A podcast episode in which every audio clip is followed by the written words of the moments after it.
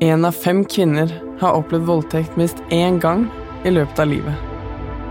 De fleste blir voldtatt av en de kjenner. Bare 20% av kvinnene anmelder, og nærmest ingen får gjerningspersonen dømt.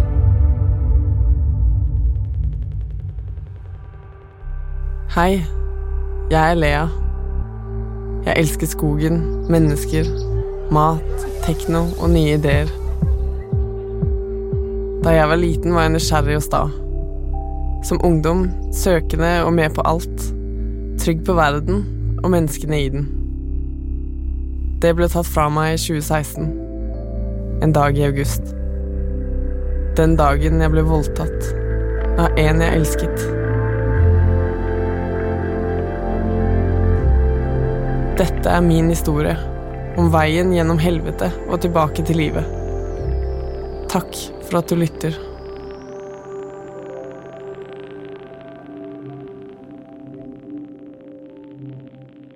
I forrige episode fortalte jeg om forholdet mitt til Thomas, som var kjæresten min i tre år. Jeg var så fortapt i ham at jeg på tross av å ha sett røde flagg, fortsatte å være sammen med han. Thomas og jeg blir invitert på hyttetur til Oppdal av en venninne av oss. Det er slutten på sommeren. Dagene er fortsatt varme og lange. Auroras familie eier hytta, og foreldrene, søstrene og søstrenes kjærester er der allerede. Vi tar buss fra Trondheim og møter Aurora og kompisen hennes Stian ved vannet. Før vi reiser videre, så turner vi på gresset, prøver å stå på henda, slapper av i sola. Vi spiser middag med hele Auroras familie. Faren til Aurora spiller gitar og synger viser. Alt er så fint. Lysene på bordet, flammene i peisen, musikken fra gitaren og vinen. Jeg holder blikket til Stian innimellom. Vi har flørtet litt før, så det føles naturlig å flørte litt nå også. Thomas dater jo andre damer, og vi er i et åpent forhold.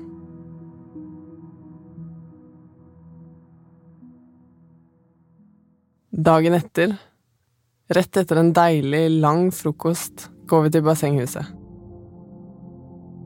Alle er nakne. Thomas, Aurora, Stian og jeg. Vi gjør yoga, danser til Tame Impala, svømmer ut i bassenget, mediterer. Jeg er glad. Jeg føler ømhet for alle rundt meg. Jeg tenker at det er fint at vi kan være sammen på denne måten. Så fritt.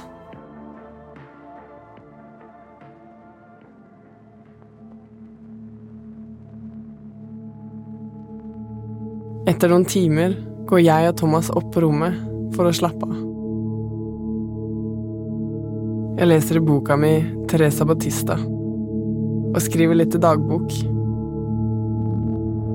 Jeg har på eh, en kort topp og en truse.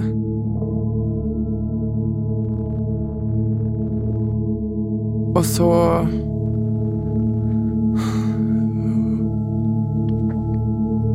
Husk, husker jeg ikke mer. Bare små glimt. Jeg går på do.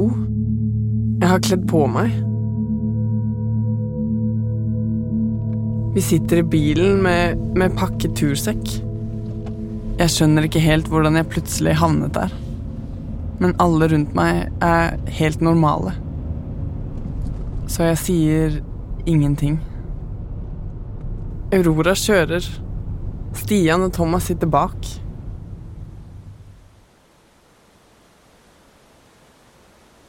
Vi går opp til en nydelig foss.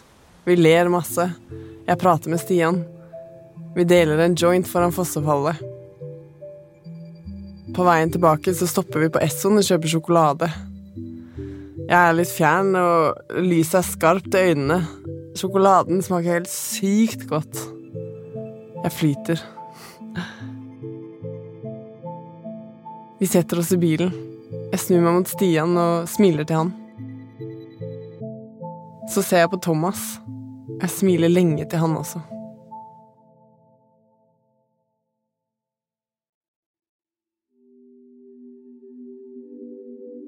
Voldtekt er rart. Det er noe som skjer uten at man kan forutse det. Det er ikke et spill før det skjer. Det er ingenting som varsler at det er det som er i ferd med å skje. Det var i hvert fall sånn jeg opplevde det.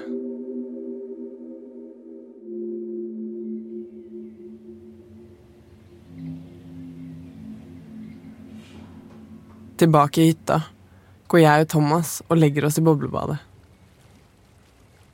Han er sint. Han liksom snarrer mot meg, sier at jeg oppfører meg som en tenåring.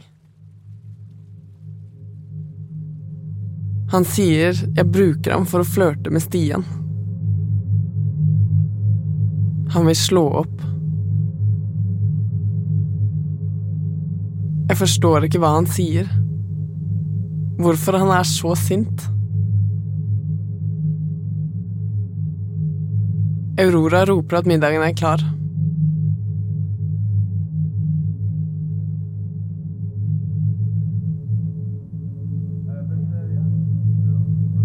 Alt er intenst og rart. Alle sitter rundt bordet, og det er latter og smil. Jeg får ikke med meg hva som blir sagt, og lydene føles veldig høye. Kanskje jeg fortsatt er høy? Hjernen min kverner på noe, men jeg, klarer ikke å holde på en tanke. Jeg tør ikke møte blikket til verken Stian eller Thomas. Jeg er redd for at jeg skal få kjeft igjen.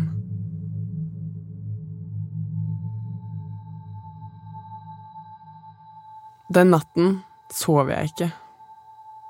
Jeg ligger i sengen og tenker på hva som skjedde i badekaret. Jeg sa unnskyld, unnskyld, unnskyld.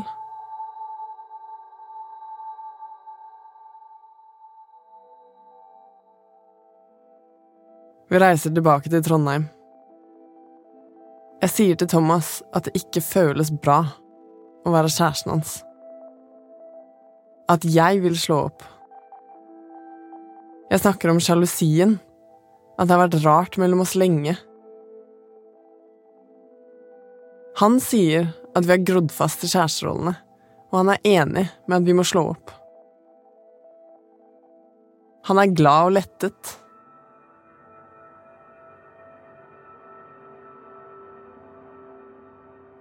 I uken etterpå er jeg i en veldig forvirret fase. Når jeg ser tilbake, så ser jeg meg selv som drukner. Faller ned i et kaos av følelser. Her er det ingen fokus på hendelser som har skjedd. Bare en dyp savn og sorg til en jeg elsker. Jeg gråter og gråter i en uke. Jeg er helt fra meg.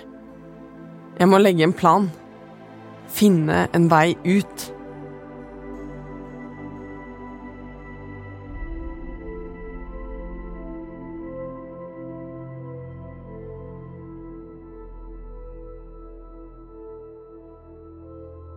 Jeg reiser til et sted jeg har vært før. Langt ute i skogen til en kursgård for alternativ levesett.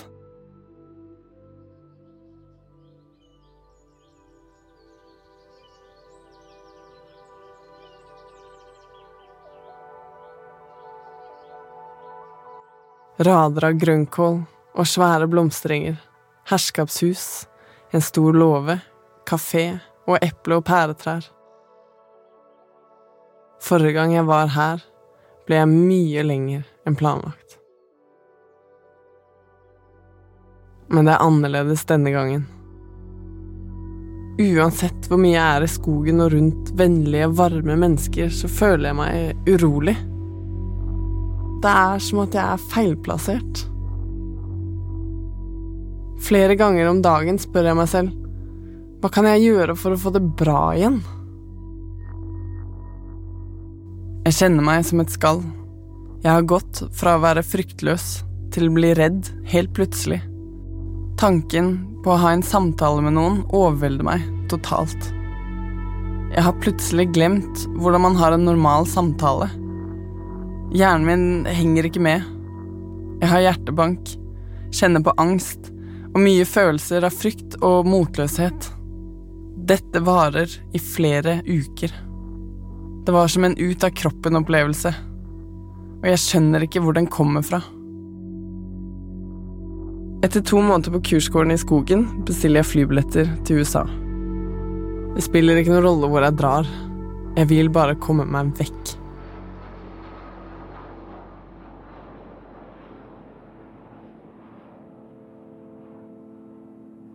Jeg og Thomas holder kontakten hele tiden.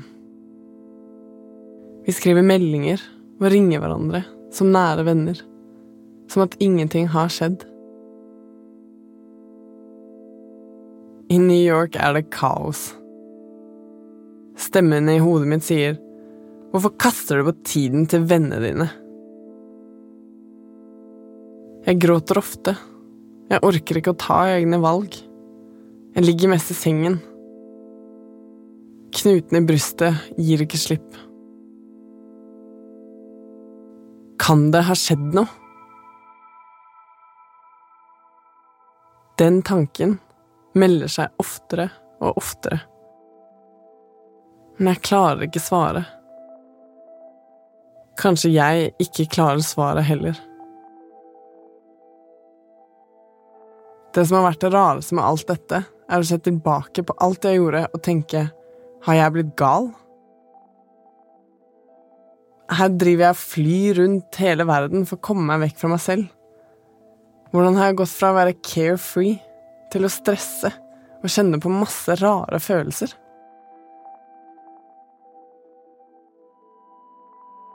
Jeg bestiller billetter til Vietnam. En venninne av meg bor der. Allerede den første kvelden møter jeg venninna mi. Vi kjører mopeden hennes ut til en stor plass med musikk og masse mennesker.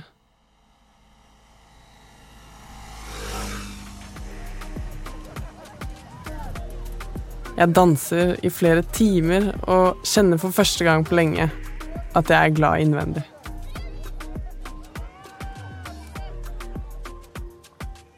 Men det varer ikke lenge.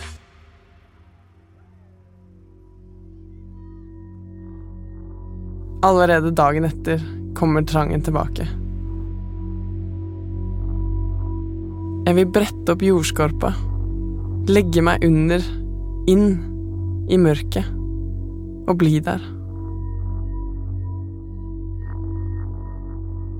Det finnes ikke noe godt sted å være. Jeg er i frodige, vakre Vietnam. Men alt for meg er grått. Ingenting gir glede. Vanligvis kan jeg se på trær og bli glad. Nå gjør det meg bare trist å se fine ting.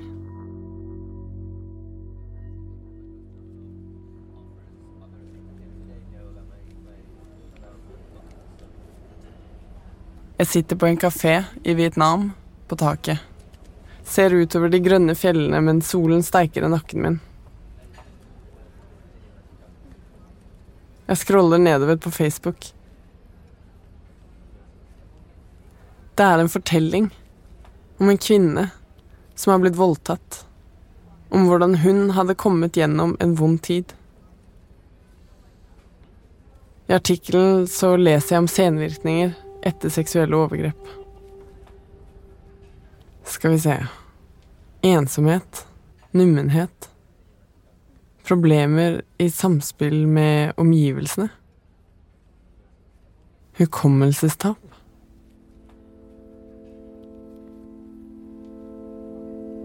Kanskje det har skjedd noe med meg. Alle de ukjente følelsene startet jo kort tid etter hytteturen i Oppdal. Og det er mange timer fra hytteturen jeg ikke husker. Det er på tide å dra hjem. Tilbake til trygge rammer. Hjemme hos mamma og pappa. Dessuten så har jeg brukt opp alle pengene mine.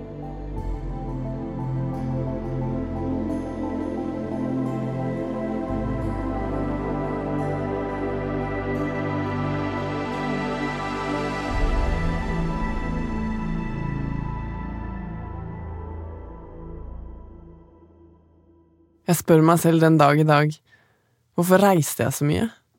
Hvorfor forsto jeg ikke bedre hva jeg behøvde? Hvorfor søkte jeg ikke profesjonell hjelp? Jeg møter Malin Vestlund. Hun er terapeut med traumer som spesialfelt. Det var voldtekt jeg opplevde på hytteturen, men minnet om dette var som en lysbryter for meg. Den ble skrudd av og på ved forskjellige anledninger. Jeg lurer på hvordan er det mulig å ikke reagere? Det vi har eh, som en helt naturlig biologisk reaksjon, det er en frakobling. Den snakkes det egentlig veldig lite om, fordi vi leser om fight og flight, altså flukt og kamp, og det å reagere med veldig sterke følelser og frykt. Men det som skjer i veldig mange tilfeller, spesielt når vi opplever overveldelser, traumer i nære relasjoner, det er at kroppen går inn i en annen type overlevelsesreaksjon som kjennetegnes av frakobling. Og det er en tilstand der vi blir mer numne. Eh, lite mindre i kontakt med oss selv og omverdenen. Og det er en veldig naturlig reaksjon. Altså, den har vi alle. Eh, og mulighet til å gå inn i i denne type situasjoner. Um, og det er rett og slett å føle lite og reagere lite. Kroppen går inn i en reaksjon der den sparer energi, rett og slett. I etterkant av voldtekten så har jeg hørt flere og flere lignende historier om kroppen som stivner til. Jeg lurer på om det er vanlig, og hvorfor dette skjer.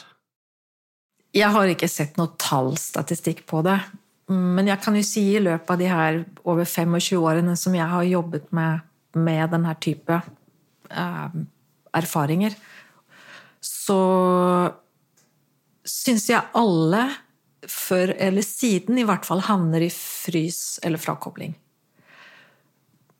Noen kanskje husker og er i en slags fight-flight først, men på et eller annet punkt så vil ofte kroppen gå inn i den her frakoblingstilstanden. Det som også skjer, det er jo at hvis man har opplevd andre ting i forkant, eh, enten at man har opplevd gjentatte overgrep, eller andre type Skal vi kalle det voldssituasjoner, eller at man har følt at man har måttet tilpasse seg, så kan også nervesystemet rett og slett eh, Hva skal vi se eh, Det slutter og Med en gang man, kropp, nervesystemet oppdager en fare, så istedenfor å gå inn i fight or flight, som er det den først går inn i vanligvis, før man liksom, når man ikke kommer seg vekk, slår over til den her frys eller frakobling, så, så kan den ta en snarvei. Den er liksom vant til at den bare må, for å overleve, spare energi, tilpasse seg. Og da tar den en snarvei rett inn i den her Dessverre er det jo sånn at veldig, veldig mange går rundt med en følelse at den, jeg kanskje ville det her, siden jeg reagerte sånn, siden jeg ikke sloss eller løp vekk. Jeg kunne kanskje ha ropt høyere, men det her er kroppens valg. Og den, nervesystemet funka jo på den måten når det gjelder overveldende hendelser, at den skal reagere på instinkt. Ikke valg. Det tar for lang tid. Skal vi opp og tenke, så bruker vi mye lengre tid. En av de reaksjonene jeg har slitt mest med, er akkurat den frysmekanismen. Fordi jeg ble redd for meg selv. For jeg tenkte at tenk om noe sånt skjer igjen, og så bare fryser jeg. Så det er et instinkt å vite at det ikke er din skyld. Det er kroppen som velger det. Så som du sier, så kan man jo bli redd, da. Kan man bli redd for skjer det her igjen? Ja, det kan skje igjen, eh, men hvis du blir bevisst, altså hvis du tar en eh, jobber med det her, så behøver det ikke skje igjen. når man tar tilbake sin power, livskraft, og det her vil jeg ikke skal skje, så klarer man ofte også å si, hjelpe kroppen å kunne reagere mer med en fight i en ny situasjon. Så man, det er ikke noe man blir nødt til å havne i hver gang, for å si det sånn. Én ting er å gråte og være sint, men jeg kjente jo lenge at jeg var ukonsentrert og nesten mistet evnen til å være sosial i etterkant. Malin forklarer at dette kan være en effekt av å være frakoblet over lengre tid. Nervesystemets evne til å være sosial blir nedtona. For den, eh, når, når, kroppen er i forsvar, den fortsetter å være i forsvar, være frakoblet til viss grad, så fungerer vi rett og slett ikke så godt sosialt. Vi blir ikke så gode på blikkontakt, vi blir ikke så gode på å høre gode menneskestemmer. Eh, nervesystemet er mer en utrygg tilstand, der det ikke er lett å være sosial. Jeg hadde et sterkt behov for å være alene og isolere meg samtidig som jeg følte meg veldig urolig og redd hver gang jeg var alene. Hvordan henger det sammen at man både blir asosial og urolig samtidig? Og det vil også påvirke det her med Du sa at du var mer urolig. Fordi det er klart er, kroppen er jo mer i en overlevelsesmodus. Altså er mer på vakt, er mer um, rett og slett utrygg. Men det som også skjer, er jo at disse skal vi si, traumatiske minnene finnes jo der et sted. Selv om eh, man er frakobla. Og den mekanismen da som trer inn, er jo det å For å klare hverdagen, så må man prøve å holde de minnene unna. Så det som skjer, og som er et av de sterkeste kjennetegnene på å ha en en som vi kaller posttraumatisk lidelse, det er jo at man unngår. Man må unngå det som minner om ting, unngå det som trigger. Og for mange betyr det også å unngå stillhet. Unngå eh, å være aleine. Man kanskje setter i gang og jobber mye, trener mye. Eh, holde seg i gang. For å ikke bli henta inn av det som også ligger der et sted. De fleste mennesker i verden vil enten oppleve traumer eller kjenne noen som går igjennom traumer. Traumer er en del av menneskets historie, og alle reagerer forskjellig. Malin forklarer hva hun mener er den viktigste faktoren for å hjelpe hverandre. Igjen så tenker jeg jo at det, det, det er viktig og kanskje Eller det er fint å kunne forstå at vi reagerer så biologisk og instinkt på instinkt.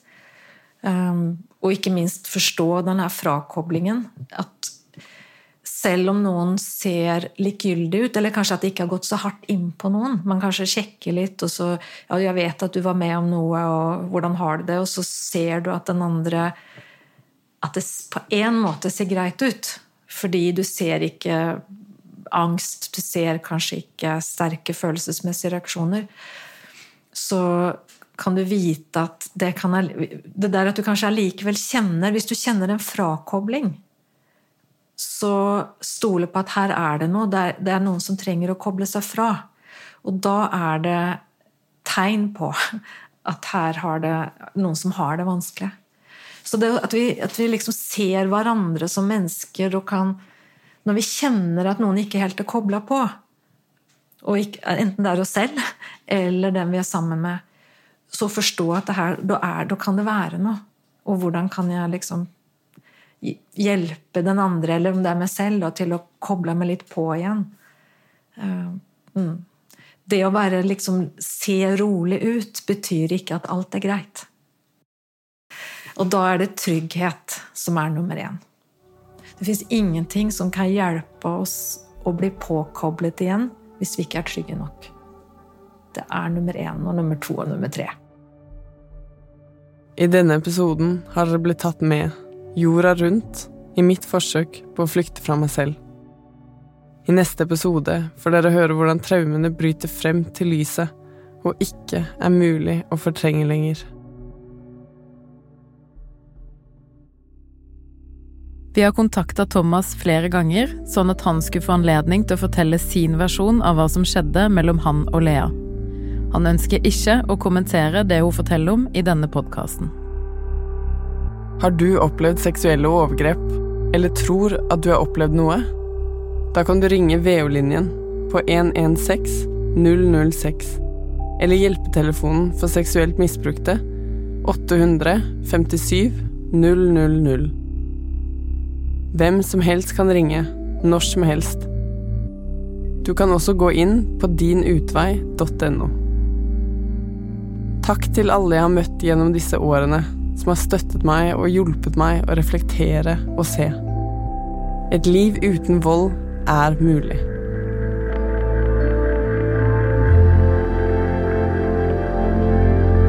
En dag i august er en serie fra magasinet Altså, laget av Filt Oslo og meg, Lea, som forresten ikke er mitt egentlige navn. Vi har byttet ut alle navn i historien. Vi har også byttet ut flere stedsnavn og årstall. Produsenter er Anne Gerd Grimsby Haarr og Ådne Riis Hallås. Manuskonsulenter er Pia Ilonka Jensen og Ida Palin Bostadløkken. Lyddesign og miks er Truls Rokiki. Ansvarlig redaktør er Ida Eliassen Coker hos magasinet Altså. Serien er støttet av Norsk Kvinners Sanitetsforening, Fritt Ord og Stiftelsen DAM. Jeg heter Ida Eliassen Coker og er sjefredaktør i magasinet Altså, som har gitt ut denne podkasten. Altså gjør noe som ingen andre har gjort før her i landet. Vi lager stoff som handler om kvinner, uten å fortelle deg hvordan du skal se ut eller hva du bør kjøpe. Gå til altså.no og les saker om mangfold, likestilling og bærekraft. Du vil føle deg styrka og håpefull for fremtida.